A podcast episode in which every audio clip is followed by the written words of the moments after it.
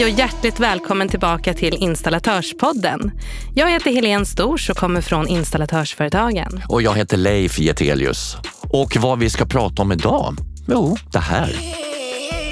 Men nu märker man att om vi ska ha en hållbar arbetsmiljö, vi ska kunna tjäna pengar och eh, jobba proaktivt så måste vi ta de här frågorna på största allvar. Hur farligt saker och ting är så går ju kunskap förlorad. Alltså montörer, byggare som är ute idag, som är kanske några om 20, har inte den erfarenheten. Alltså. När kunden köper materialet själv, solceller som ser ut som vanliga tak och lågkonjunkturen, där är tre snackisar. Sen kommer vi till montörens ansvar också, som också har ett ansvar att bilen då lastas säkert, att den framförs på vägen också. Den hade ju brunnit av den kabel som jag tappade plåten i. Då sa han också, ja, nu har den ju en jävla tusen för det är 35 000 ampere. Och det att jag började stöta där och då sprack det där jäkla röret.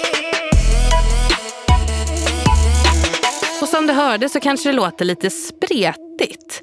Men den röda tråden idag är arbetsmiljö. Ja, och det ämnet har vi ju plockat upp tidigare i podden. Men då fokuserade vi mer på den systematiska arbetsmiljön. Men det är inte det vi ska göra idag, va?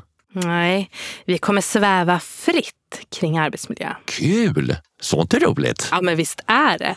Fast det är ju inte riktigt det vi ska göra. Utan vi kommer prata om framförallt två viktiga projekt som det arbetas med inom arbetsmiljöområdet. Spännande! Ja, men då kör vi igång. Vi börjar med att hälsa Rickard Lindberg välkommen till podden. Tack så mycket. Och du är expert inom hälsa och säkerhet på installatörsföretagen med mångårig erfarenhet från byggbranschen i stort. Men kan inte du beskriva lite kort vad du gör på dagarna? Det gör jag gärna, men jag skulle först vilja ha ett tillägg nämligen. Jag vill lägga till mångfald i det här, så att jag titulerar mig numera som hälsa, säkerhet och mångfald.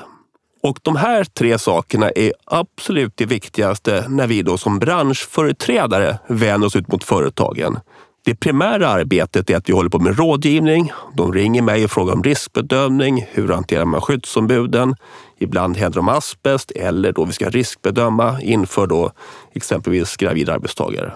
Så att jag får återkommande frågor där företagen behöver vår hjälp. Mm. Och för att spinna vidare lite på det där så blir jag nyfiken på hur ni och du arbetar just med arbetsmiljö och hälsa mot era medlemsföretag. Vi försöker så att säga, det, det jag skulle vilja och min ambition med företaget det är naturligtvis att de ska få mindre olyckor. Jag vill att de har en högre tillgänglighet på sin personal och högre kunskap. Det vill säga att tjäna mer pengar, mindre olyckor och jobba säkrare. Och företagen då? Hur jobbar de med arbetsmiljö? Om jag skulle titta på ett perspektiv på en 10-15 år så har jag, ser jag en enorm utveckling. Idag ringer man och är intresserad av de här frågorna. Man märker att man har ett tryck både från beställare, från sina kollegor och anställda. Att man vill liksom ta de här frågorna på allvar. Så såg inte riktigt bilden ut för en 10-15 år sedan. Då var det snarare nödvändigt. Men nu märker man att om vi ska ha en hållbar arbetsmiljö, vi ska kunna tjäna pengar och eh, jobba proaktivt så måste vi ta de här frågorna på största allvar.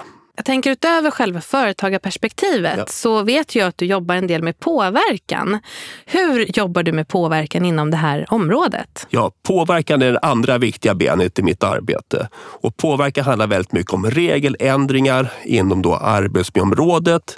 Det gör jag direkt mot Arbetsmiljöverket, ofta tillsammans med kollegor inom sfären, det vill säga medlems organisationer inom Svenskt Näringsliv.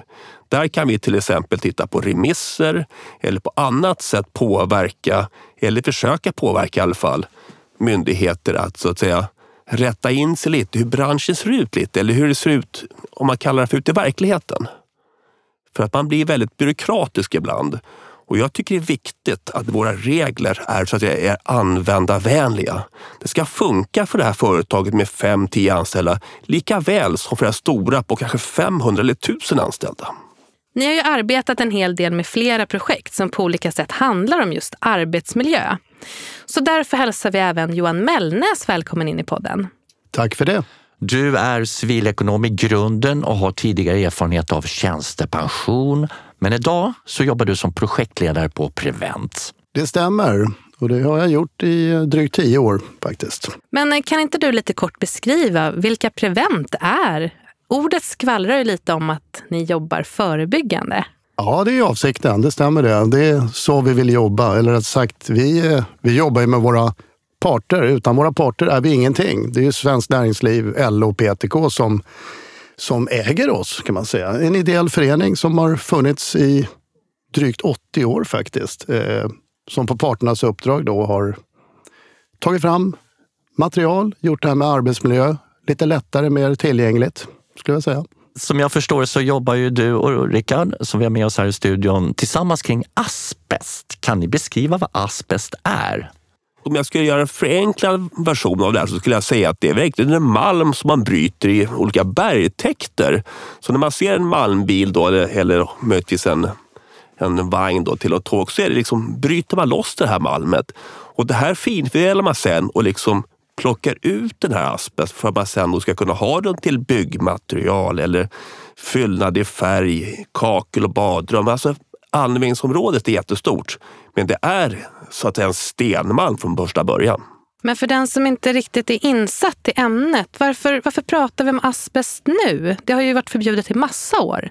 Ja, det har varit förbjudet i 40 år, sedan 1982, då man kom fram till att det här tyvärr väldigt effektiva materialet som är beständigt är, orsakar stor skada på sikt eh, med stor risk för, ökad risk för cancer hos de som utsatts för det. Allt som byggdes eh, fram till 70-talet, vi har miljonprogrammet till exempel, eh, ska det rivas idag och renoveras, då är risken inte bara hög, utan ska jag säga, extremt hög att man träffar på asbest runt ledningar, isolation, fog. Alltså det används precis överallt. Va? Och det har ju naturligtvis bidragit till att det finns en stor oro kring att eventuellt kunna stötta på det här i sitt arbete. Hur kan vi lugna de personer som på något sätt känner den här rädslan för att komma i kontakt med asbest? Jag tycker att när det gäller asbestfrågan så ska vi ta det med största respekt. Vi ska ha respekt för de här sakerna. Och det finns få ämnen som man har så stor respekt för som asbest och bensin brukar jag säga. Det vill säga, vi ser ingen som står och röker vid en bensinmack till exempel. Det vill säga, man behöver nästan inte ha regler kring rökning. Eh, när det gäller asbest, då, som du var inne på Johan, att det var förbjudet 82 och där är faktiskt Sverige ett föregångsland. Vi förbjöd det här i stort sett först av alla länder i hela världen. Och det gjorde vi därför man har tittat på forskningen och läkare har kunnat koppla ihop sambanden med, med asbest att det nu sitter i de här preventprojekten då, tillsammans med, med byggindustrin och, och, och parterna då på Elektribundet och Byggnads. Det är därför att vi har upptäckt att man saknar kunskap om det här idag. Vi vill att våra montörer som går ut på det här inte bara ska liksom börja riva saker, få jobbet gjort, utan vi vill att man ska så att säga, kunna fånga upp signaler och vara lite försiktig. Det vill säga man ska vara rädd om sig. Va? Så att jag vill ju att våra montörer, när de går ut på ett bygge, framförallt då de här gamla, gamla byggnaderna. Det kan vara ett sjukhus, det kan, kan vara garage, skolor, bostäder. Att man lär sig fånga upp signaler. Och skulle det vara så att man hittar asbest eller misstänker att det är det här, då måste man göra en miljöinventering på det här. Ta upp det med sin chef eller sitt skyddsombud och liksom gör, gör en provtagning helt enkelt. Man måste reda ut om det här innehåller asbest eller inte. Jag skulle vilja koppla på Helens fråga. Där. Det är precis det där, varför gör vi det här just nu? Jo, hur farligt saker och en ting är så går ju kunskap förlorad. Alltså gamlingar som jag håller på att säga har ju det här med modersmjölken. Vi vet vad vi ska kolla efter. Men montörer, byggare som är ute idag, som är kanske några av de 20, har inte den erfarenheten. Alltså, det syns inte. Man behöver liksom, man behöver, det behöver repeteras eh, tror jag, det här är inte sista gången vi gör någonting om asbest. Det kan jag lova. Och sen är det så också att det här går inte att lära i en skola heller, en yrkeshögskola. Att ja, nu ska vi ha ja, en vecka om asbest, för det finns ju inte i skolan. Utan man måste ut i de här gamla miljöerna för att kunna, det vill säga man måste lära sig med erfarenhet ute på plats helt enkelt. Ett bra ställe är ju ofta skolan. att kika efter alla ställen där det finns asbest. Ja. Men jag tänker på den här unga personen då som inte har den här erfarenheten. Som då kanske har lärt sig att asbest är någonting farligt, så man är orolig. Men man, man vet inte hur man ska titta efter asbest. Vad, vad kan ni säga till de här personerna? Alltså, vi vill ju med det här materialet som, som vi har tagit fram tillsammans med Prevent att man ska kunna förstå när det är dags att att liksom höja blicken till det här. Kan det här möjligtvis innehålla asbest? Och då, om man misstänker det, se till att det blir en provtagning eller att man gör en undersökning för vi vill ju med det här projektet också om man uttrycker mig, dämpa oron för det här. Vi ska inte vara oroliga i onödan för det här. Eh, för är det så att hantera på rätt sätt eller att man då eh, under, man gör ingenting alls med det här, det vill säga att man, man, man ser till att någon annan saneringsfirma tar tag i det här, ja då behöver man inte känna sig så orolig överhuvudtaget. Det är väl också viktigt att det är, stöter man på det eller det finns misstanke om att göra det, då ska det vara special, alltså en saneringsfirma med speciell utbildning. Alltså det är asbeströjning ser ut som en eh, eh, ja, crime scene investigation. Alltså. Det är intältat och, och allting. Liksom. Så det.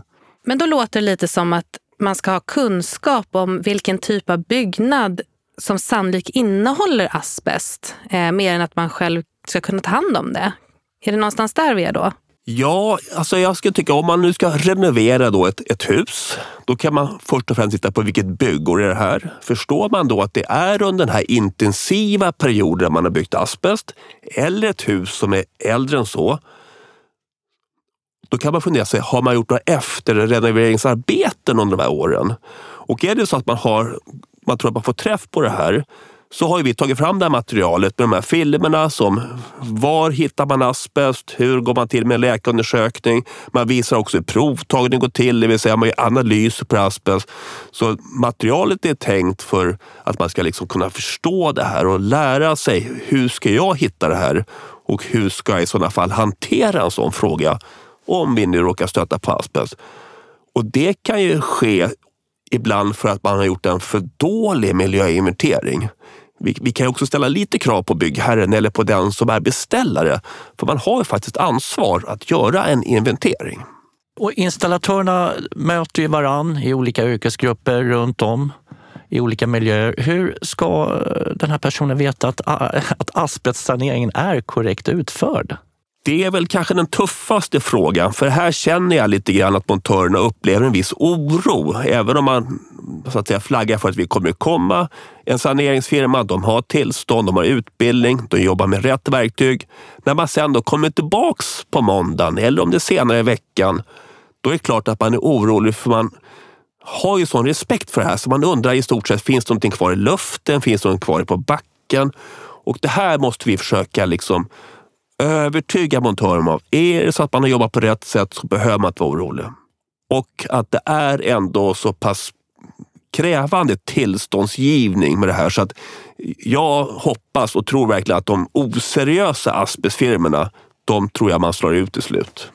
Att de får inte vara kvar på marknaden. Men, men jag tänkte på samverkan där mellan just eh, om det är ett installations eller renoveringsföretag. Där kan väl skyddsombudet spela en viktig roll just för att stilla eventuell oro hos, hos anställda. Då, att det här är schysst gjort och att det, man kan komma igång igen. Va?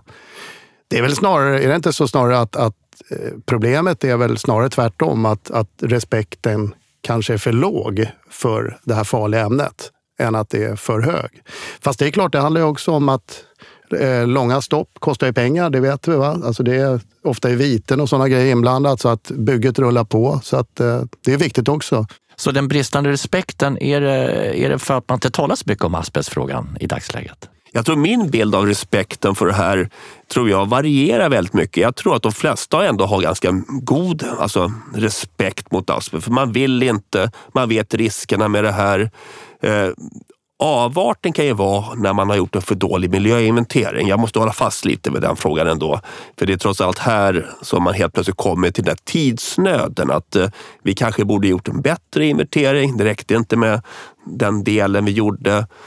Och då kanske man som beställare rätt sagt får lite, lite darr och tycka att vi, vi måste snabba på det här för vi ligger redan efter i tidsschemat. Mm. Men respekten tror jag nog att vi har byggt upp i alla fall. Mm. Men vi vet ju inte vad vi ska leta efter. Så vad kan man då göra som arbetsgivare för att trygga sina anställda eh, så att de inte på något sätt utsätts för asbest? Alltså kunskap tycker jag är nyckel till, till det mesta förändring. Om man vet vad man tittar på, så genom att ha kunskap eller lära sig, vad hittar jag, hur ska jag hantera den här och hur ska jag agera? Och där är precis det här målet vi vill med de här filmerna. Jag tittar på dem om och om igen och de berättar tydligt med lugnt tempo. Liksom, ja, där har vi asbest, och så pekar man på en liten fog och så vidare. Det är jättebra, precis den här känslan som jag också skulle vilja möta montörerna ute på arbetsplatserna. Worst case, de installatörer som lyssnar på det här, om man i värsta fall kommer i kontakt med asbest, då, vad, vad, hur går man tillväga då? Är det, ska man ringa läkaren eller? Ja, så det är ofta det jag, det, de här samtalen får jag. Nu har jag varit i tvättstugan. Ett av min absolut skräckexempel var då när en ung kille säger att jag är småbarnsförälder, skattar ut alla pengar jag har på banken och har världens fest i helgen. Hur ska jag göra? Och då diskuterar jag länge med honom. Vi pratar också om en läkarundersökning. Eh, jag kan säga att man kan aldrig se någonting på läkarundersökning. Alltså asbest tar, man, man sa förut, mellan 20 och 30 år att utveckla. Nu säger man 20 och 40 och man är till och med inne på 20 och 50 år innan man faktiskt kan se någonting av det här. Så, så att då får man snarare hellre, är det så att det skett en gång utan så att säga, vetskap om det här så är det extremt långsökt att tro att det här kommer leda till någon sjukdom. Då kanske oron är en större faktor än själva den exponering man utsatts för. Så det handlar egentligen om att man inte ska exponeras eh, kontinuerligt? Nej. Och sen är det väl då i själva, när man slår sönder materialet, alltså bilar bort det, det är då de här mikrosmå, alltså miljondels millimeterpartiklarna frigörs. Så att, att asbest, som, alltså att gå i en tvättstuga med asbest som ingen har bilat sönder ska väl inte vara någon fara, för då ligger det ju där. Men det är sen när det börjar rivas, det är då partiklarna kommer. Va? Ja. Och det är då man andas in dem och det är det som blir farligt då? Exakt, de är så små, små, små. Och det här illustreras ju väldigt tydligt på ett enkelt sätt. Eh, Vi använder ju film väldigt mycket nu. Och hur, vad händer? Vi har en läkare som uttalar sig och berättar då vad, vad händer egentligen när de kommer ner och sätter sig i de här alveolerna, lungblåsorna. Och det är som sagt som Rickard säger, det, det kan ju ta väldigt, väldigt lång tid innan det blir mesoteliom har jag lärt mig. Ett, Ja. ett, ett, och det kan ju bli också cancer, cancerogent i förlängning också. Så att, Så är det. Så det vi hör här det är att man ska ha respekt för asbest men man ska inte gå runt och oroa sig. För det kan ge större hälsoeffekter än, än att själva asbesten egentligen. Men det, det tycker jag låter som en bra sammanfattning. Ha respekt, oroa er inte onödan, utan var rädd om er. Eh, utsätts inte i onödan. Ha alltså ingen exponering för det här. Det är jätteviktigt att komma ihåg. Och ta lite lära sig lite grann sådär. Mycket är ju, det här är ju tyst kunskap kan man säga. Man kan inte ha ett, två dagars eh, eh, lektioner om asbest utan det är ju de som tar hjälp av de äldre kollegorna. För det är lite grann som de säger att de som är duktiga att hitta svamp, de vet hur det ska se ut där under. Där finns det svamp. va? Och det, ser man huset, vet byggåret, då vet man också vilken sannolikhet det är för att vi kommer stöta på asbest. Och till sist skulle jag vilja veta, var hittar man det här materialet? Man vill titta på de här filmerna eller läsa mer? Det hittar man på prevent.se och, eh, Jag tror säkert vi kommer hitta det både på er hemsida på vår och hemsida. naturligtvis eh, Så- hos installatörsföretagen också. För vi länk. vill gå ut med det här brett. Vi tycker det är viktig information. Vi vill sprida det här till våra montörer, företag, anställda, skyddsombud. Jag vet också när jag pratar både med Byggnads och Elektribundet att de vill också gå ut med den informationen. Och som alltid när vi jobbar med Prevent så gör vi det i samverkan. Det vill säga att vi har ett gemensamt syfte från arbetsgivarsidan och arbetstagarsidan. Intressant. Men ni arbetar ju tillsammans i flera projekt. Så jag tänker att vi ska nämna ett projekt som handlar om graviditet, mens och amning i bygg och installationsbranschen. Och då tänker jag att varför lägger man fokus på det nu? Kvinnor har ju funnits på byggarbetsplatser i flera årtionden. Det har de gjort och tyvärr så har de inte varit så många till antalet eller andelen heller. Eh, men det där är ju en önskan från, från branschen och det är ju en allmän önskan också. Alla arbetsplatser mår ju bra av att vi är så bland, att vi har en sån, jag ska inte säga exakt jämn fördelning, men det behövs mer kvinnor i branschen och då är ju det där en satsning från, eh, från installatörs och byggbranschen att locka och framförallt få fler tjejer att vilja stanna kvar i branschen. Och då är det ju praktiken visar att det, det är nog en stor ovana också vid att, att hos mindre företag kanske aldrig haft någon kvinna anställd då tidigare och plötsligt så, jaha, okej, byggfutten då, det, och det är 400 meter bort dit. Finns det rinnande vatten? Nej, det gjorde det väl inte. Va? Så det här är ju en, en, en vällovlig och behövlig satsning från, som, som branschen kör. Och en byggfutt är en byggbod då. Ja, det, förlåt. Det var inte, en, by, en byggbod. Jag rättar, byggbod. Rätt eller fel, alla ord ska vi kunna, även synonymerna. Eh, Okej, okay. kvinnor in i branschen. Vad behöver arbetsgivarna känna till nu då när de ska göra en riskbedömning så att allting, futten och resten därtill blir optimalt när kvinnor ska in i branschen och jobba i, i byggsvängen? Det första är att känna till att, att eh, vi, alltså kvinnor och män eh, funkar biologiskt lite annorlunda. Bland annat har ju kvinnor under ett antal år av sitt liv då en menstruation, mens, som kan komma lite när det passar den. Mm. Har jag förstått. Jag har ännu ingen egen erfarenhet. Men, eh, och det innebär ju också att det, det är en hygienfråga. Eh, det här illustrerar vi också. Film är ju ett väldigt, väldigt effektfullt medium. Alltså. Det, eh, vi har ju filmer alltså, om, om det här med menshälsa och eh, graviditet även i detta projekt. Och ja, jag tänker på tjejen som sitter som kranförare där. Eh, det händer, man förstår vad som händer och hon får klättra ner. och ja, Vad är byggboden? Och i byggboden så försöker de få på vattnet och det kommer inget vatten. Och, eh, så det finns på många arbetsplatser och, och eh, eh sajter väldigt mycket att göra på den friden. Inom det här området så har väl utvecklingen gått framåt i alla fall. Jag menar, ingen vill väl ha dåliga eller smutsiga hygienutrymmen.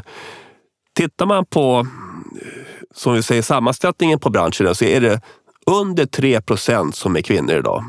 Och det är klart att då har man historiskt sett bara vänt sig till en, en likasinnad målgrupp, en urtypen för det här. Nu ser ju vi som arbetsgivarsida, och det känner hela branschen av, genom att så att säga öppna upp, göra de här arbetsplatserna attraktiva för en större målgrupp. Då kommer vi också kunna rekrytera på en bredare bas. Eh, jag pratade med en skola i förmiddags. De hade fem kvinnliga elektrikermontörer eller elektriker som utbildar sig och lika många på VVS-sidan på en enda skola. Tänk dig då en klass med en 15-16 personer. Så vi är i stort sett en tredjedel som håller på att utbilda sig nu. Så vi vill ju öka, öka bredden på kompetensen och mångfalden och ingen ska ju ha dåliga hygienutrymmen någonsin. Och bygger man upp en, eh, en tillfredsställande eh, byggarbetsplats med bodar och allt vad det innebär så måste det bli lättare att rekrytera också. För då behöver man inte ta hänsyn till någonting. Allt är förberett redan. Precis. Eller hur? Jajamensan. Och den botstandard som ni har varit inne på också, eller du kallar det för byggfutta, eller vad sa du? Jag sa byggbodar, så, tror jag att jag sa. Ja. Ja, och det är så att här har man ju utvecklat en byggstandard. Det vill säga att det ska ju inte vara, det ska inte vara ett hinder på något vis oavsett vem som kommer utföra arbeten. Ett företag som jag pratade med förra veckan, så när de lämnade offert, så sa de så här att vi har även kvinnliga montörer hos oss. Det vill säga att, att man i stort sett ställer krav på beställaren. Är det så att vi får uppdraget så får ni också se till att bodetableringen blir så att vi kan komma dit. Och det gillar jag verkligen ja, skilda omklädningsrum. Ja. Och det är ett krav naturligtvis. Och när i processen borde det här komma upp på tal? Är det redan innan bodarna står på plats eller anpassar man de här för varje bygge? Alltså en bodetablering måste man utifrån varje bygge, för det beror lite på. Det är stor skillnad om vi ska göra en bodetablering i Stockholm med tanke på de brist på utrymme vi har här eller en mindre ort. Så det här måste man planera för början. Men det gäller allt annat arbete med planering, projektering också. Så allting måste ju bestämmas. Så det här är ju ingenting som man kör slentriant utan man får ju titta hur mycket folk ska vi, kommer vi ha där samtidigt? Vilka yrkesgrupper kommer vara där så att säga i samma tidsperiod? Det här måste man ju bestämma sig i ett tidigt stadium och när man bygger upp då sin, sin bodetablering och all annan tidsplanering. Men det låter ju som att om det här blir en så pass självklar del på arbetsplatsen eller byggarbetsplatsen då. Så att en, om en kvinna exempelvis är gravid så ska hon i ett tidigt skede kunna berätta om det här och man ska då kunna göra vissa förändringar så att det blir säkert även för den här kvinnan. Är det någonstans där vi rör oss? Ja, det är det ju. Absolut. Det är, alltså graviditet är ju, där finns det ju en skyldighet att, att upplysa eh, gravida eh, om risker. Det kan vara kemikalier, det kan vara buller, det kan vara andra saker som där, där foster riskerar att skadas.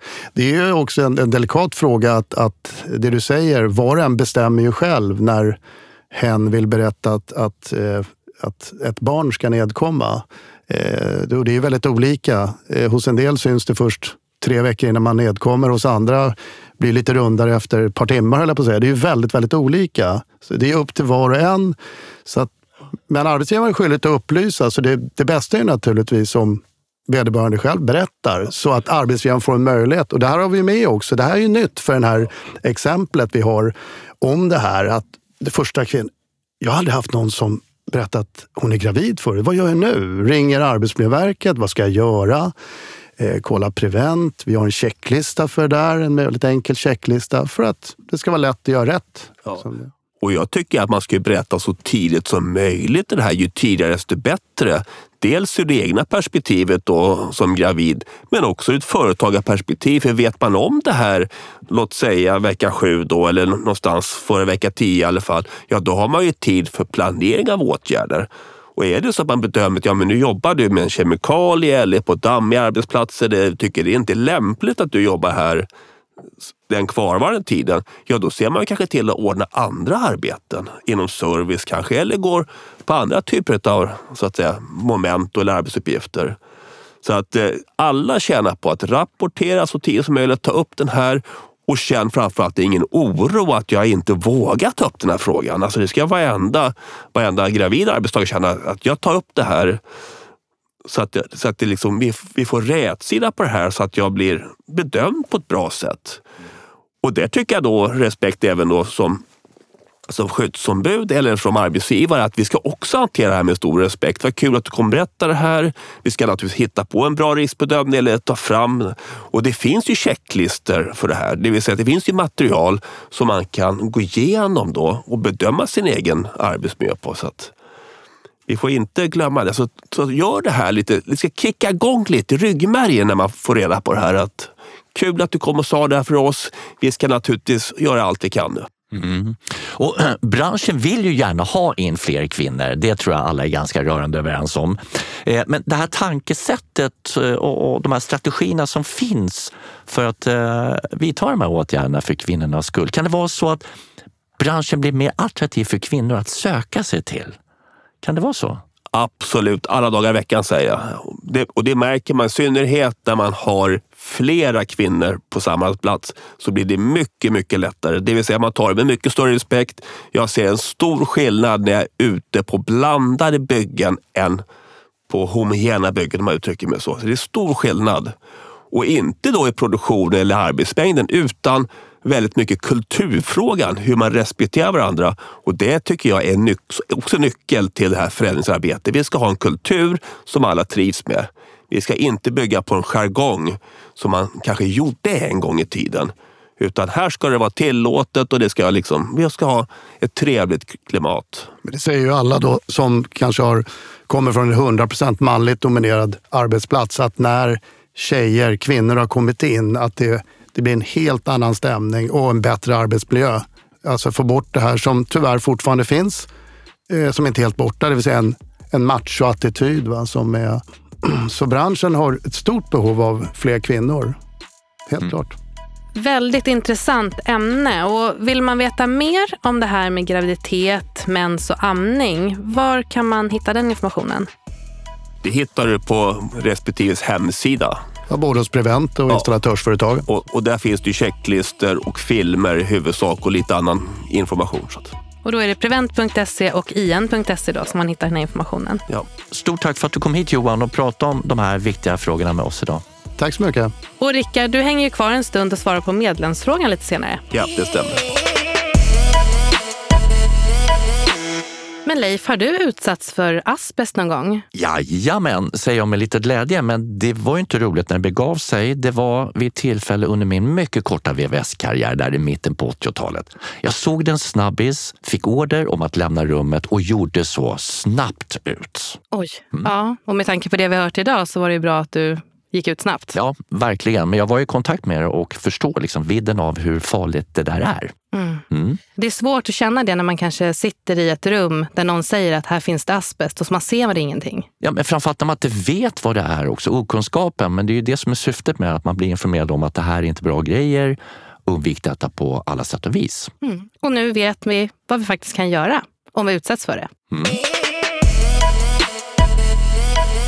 Då har chefredaktör Fredrik Karlsson tagit sig in i studion för att som vanligt leverera tre snabba från tidningarna Elinstallatören och VVS Forum. Varsågod! Nummer ett. När kunden köper materialet själv, då knyter rörmokaren handen i fickan. Och man kan förstå problemen med att installera okänt material och bitterheten av att inte tjäna pengar på materialet. Men att man skulle ha hela garantiansvaret för material som kunden har köpt, det har visat sig vara en myt. Och den här liknelsen som en del VVS-are gör om att eget material från kunden är som att ta med kött från ICA till restaurangen. Ärligt talat, den liknelsen är inte särskilt bra. Branschen, ni kan bättre än så i bemötande. Nummer två. Solceller som ser ut som vanliga tak, det är något som intresserar våra läsare. Det stora genombrottet för dessa, det uteblev. Några har till och med floppat. Men det kan faktiskt vara en bra grej att satsa på om man ändå ska byta tak. Fråga bara solcellsexperten Johan Lindahl som själv har sådana. Nummer tre. Lågkonjunkturen, den har drabbat byggarna. Särskilt de som är inriktade på bostäder. Men hur går det för installatörerna? Kan boomen för solceller, värmepumpar och energieffektivisering väga upp om andra uppdrag avtar? Det är en snackis som ännu saknar svar. Nu ska vi gå över till dagens medlemsfråga som handlar om servicebilar. Ja, många installatörer är ju faktiskt beroende av sin bil så man förstår att det dyker upp en hel del frågor kring det här.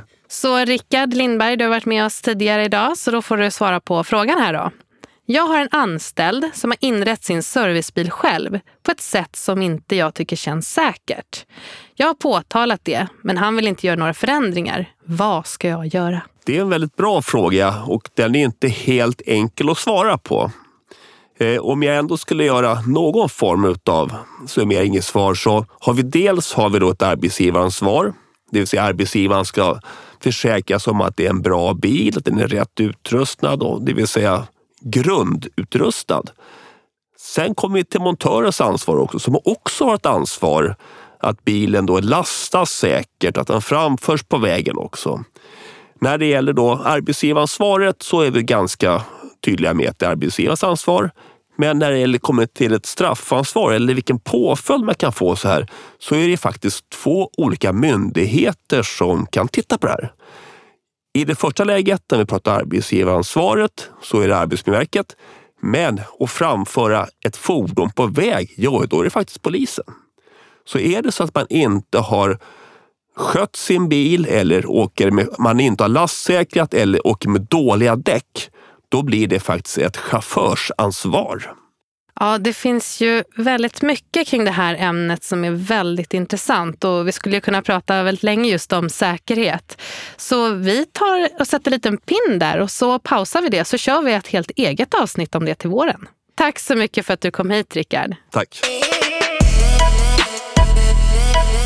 Då har vi kommit fram till programpunkten Oj, vad hände där? Ja, men det är här vi släpper in ett par installatörer som var för sig får berätta om något speciellt som har hänt under sina karriärer som inte gick så där som önskat så att säga. Ja. Och varför inte inleda med elektrikern Leif Åkesson på Emil Lundgren? Ja, men det gör vi. Lyssna på det här. Jag har ju ett minne som eh, det hände väl för 15-20 år sedan på Sollentunavallen. Jag och min kollega var ju utkallade till ett jobb där. Vi skulle ju rensa lite kabelgravar och grejer. Alltså standarden på Sollentunavallen var ju under all kritik när vi kom dit. Och ja, vi skulle ju rensa upp i de här kabelgravarna som sagt var. För där låg ju kraft, det låg brandlarm, det låg, eh, ja vi hittade ju alltså sju stycken parallella 240 MK också som låg i graven. Vi visste inte vad det gick till. Så var det väl jag då som tog tag i det där lite grann för jag skulle lyfta bort sådana här tjocka, tunga järnplåtar som låg i gamla ställverk förr. De vägde säkert 5-6 kilo styck. Och när jag lyfte en sån där så självklart så tappade jag en sån här eh, plåt på en av de här eh, enkelledarna som låg då i kabelgraven. Och eh, det gick ju så illa att den kortslöt ju till jord när jag träffade mitt på en sån här kabel. Ja, det blev en jätteexplosion i hela ställverket blev det faktiskt. Vad det nu innebär med, med kopparstänk och hela det där köret in i ställverket. Men jag hade ju sån tur då, för jag, jag märkte när jag tappade den här plåten, då hann jag precis vända mig om. Så jag fick allt stänk och allting, det var ju på ryggen och på benen och alltså på baksidan av kroppen. Så jag klarade mig helt oskadd och min kollega också. Sen så då, då ringde jag ju då Sollentuna energibolag och frågade om de har fått någon kortslutning. Har de märkt? Nej, de hade inte märkt någonting. Nej, det var ju konstigt. Så. För jag tror jag släckte hela Sollentuna, men det gjorde jag inte. Men i alla fall, de skickade ju dit en, en, en snubbe och kom och tittade i kabelgraven. Han stod bara och skakade på huvudet för det är ju totalförbjudet. Det var alltså de här enkelledarna som gick i kabelgraven. De matade alltså på en transformatorstation utanför genom då kabelgraven till ställverket som gick var på andra sidan. Så det var alltså matningen som gick från, för hela Sollentunavallen som gick där. Och det, det, det, det ska man ju sära på normalt eftersom det är så höga strömmar. Och de hade ju då inte märkt någonting eftersom det var parallella kablar som låg där. Så de märkte, alltså den, den hade ju brunnit av den kabel som jag tappade plåten i. Men eh, då, då sa han också, ja, nu har han ju en jävla tur för det är 35 000 ampere bakom den här transformatorn. Min kollega han fick ju en fingerborg i byxan, han stod i dörröppningen där så han blev alldeles chockad. Den som klarade sig bäst, det var nog jag tror jag. Om du hade stått vänd åt andra hållet, vad hade den värsta Då konsekvensen hade det varit blivit? illa, då hade jag nog blivit blind och allt möjligt. Så jag hann precis vända mig om. Så jag, jag, hade, ju- jag, såg, jag såg ju liksom, jag blev ju bländad. Men det var ju liksom ingen fara, jag kunde ju se. Jag hade ju fått kopparstänk i ansiktet. Alltså det small nog fruktansvärt. Och då var ju hela ryggen och allting, alltså kläderna var ju prickiga utav koppar. Och så blev det ju gaser också. Ja, men vi, vi gick ju ut båda två så vi klarade oss från det så det var ingen större fara så. Men. Så ringde jag ju då företaget och sa vad som hade hänt och allting. Så, ja, så, så, det tog ett tag, det tog fem timmar. Ja, han frågade inte ens om vi sk- skadade. Det enda chefen sa, gör inte om det där, sa han till mig. Och så sa han, förlåt? Ska du inte fråga om vi gjorde illa oss eller någonting? Nej, men det gjorde ni väl inte? Du pratar ju liksom, han. Usch, vad läskigt! Herregud, vilken berättelse! Och det hade ju kunnat lett till ännu allvarligare konsekvenser där borta på Sollentunavallen utanför Stockholm när det begav sig. Då ska vi lyssna till vad Lars har att berätta. Det är Lars Hedenskog på Hedenskogs rör. Det här är jättemånga år sedan. Det är början på min karriär. Då skulle jag åka och rensa ett avlopp. Där ute på landet så är det ju, på den tiden så var ju många brunnar gjorda av cement. Ja, jag åkte dit och konstaterade att det var ingen hemma, trodde jag i alla fall. Och jag gick ner i den här brunnen då, som jag hade blivit lärd. Och man gjorde, man gjorde så. Man kröp ner i brunnen, så hade med sig ett stålband som var 40 meter eller vad man nu hade med. Jag kommer inte ihåg vad jag hade med mig. Men det var, så skickade man in det där i avloppsröret. Ja. Men en sån här cementbrunn har ju T-rör i brunnen. Då. Och det röret stod man då på för att få kraft att kunna stöta dem med det här stålbandet. Och du var jättenervös vad jag förstår. Ja, det var jag väl. Det är klart. Men man hade gjort det där några gånger. Man hade ju sett liksom hur farsan hade gjort det och så vidare. Så det där var väl inga problem. Problemet var ju det att jag började stöta där. Och då sprack det där jäkla röret. Nej. Så jag for ju ner i brunnen. Okej, och hur djup var den då? Ja, det var precis så att jag hade ja, huvudet ovanför vattnet. Alltså när jag hade huvudet böjt i princip. Ja, jag stod ju där och, och tog mig upp då. Och när jag stod där och slet av mig alla kläder, så jag stod bara i kallingar. Så när jag står där och börjar dra ut det här bandet då, för det kunde ju inte sitta kvar. Då kommer det ut en kvinna ur huset. Som jag, jag trodde inte fanns någon hemma, för att hon hade ju jobbat natt. Så jag står då i hennes trädgård då, i kalsonger då. 19 bast. Men såg hon nöjd ut? Ja, mycket möjligt. Du Lars, tack för att du var med och berättade. Ett bra poddavsnitt med fokus på asbest och graviditet lider mot sitt slut. Vilket matigt avsnitt det blev, Helene. Ja men verkligen. Och det är alltid så himla roligt att höra hur man jobbar inom olika områden. Mm. Så hur kommer man i kontakt med oss då om man nu eventuellt vill vara med i våran poddvärld här? Ja men det är som vanligt så säger vi det att enklast är det att skicka ett mejl till info.im.se. Men följ oss i sociala medier. LinkedIn, Twitter, Facebook, Youtube. Och för att vara lite tomtegubbe här så nu när snöflingorna faller utanför våra fönster så vill vi tillönska er alla en underbar vinter så hörs vi nästa gång. Hej då! Hej hej!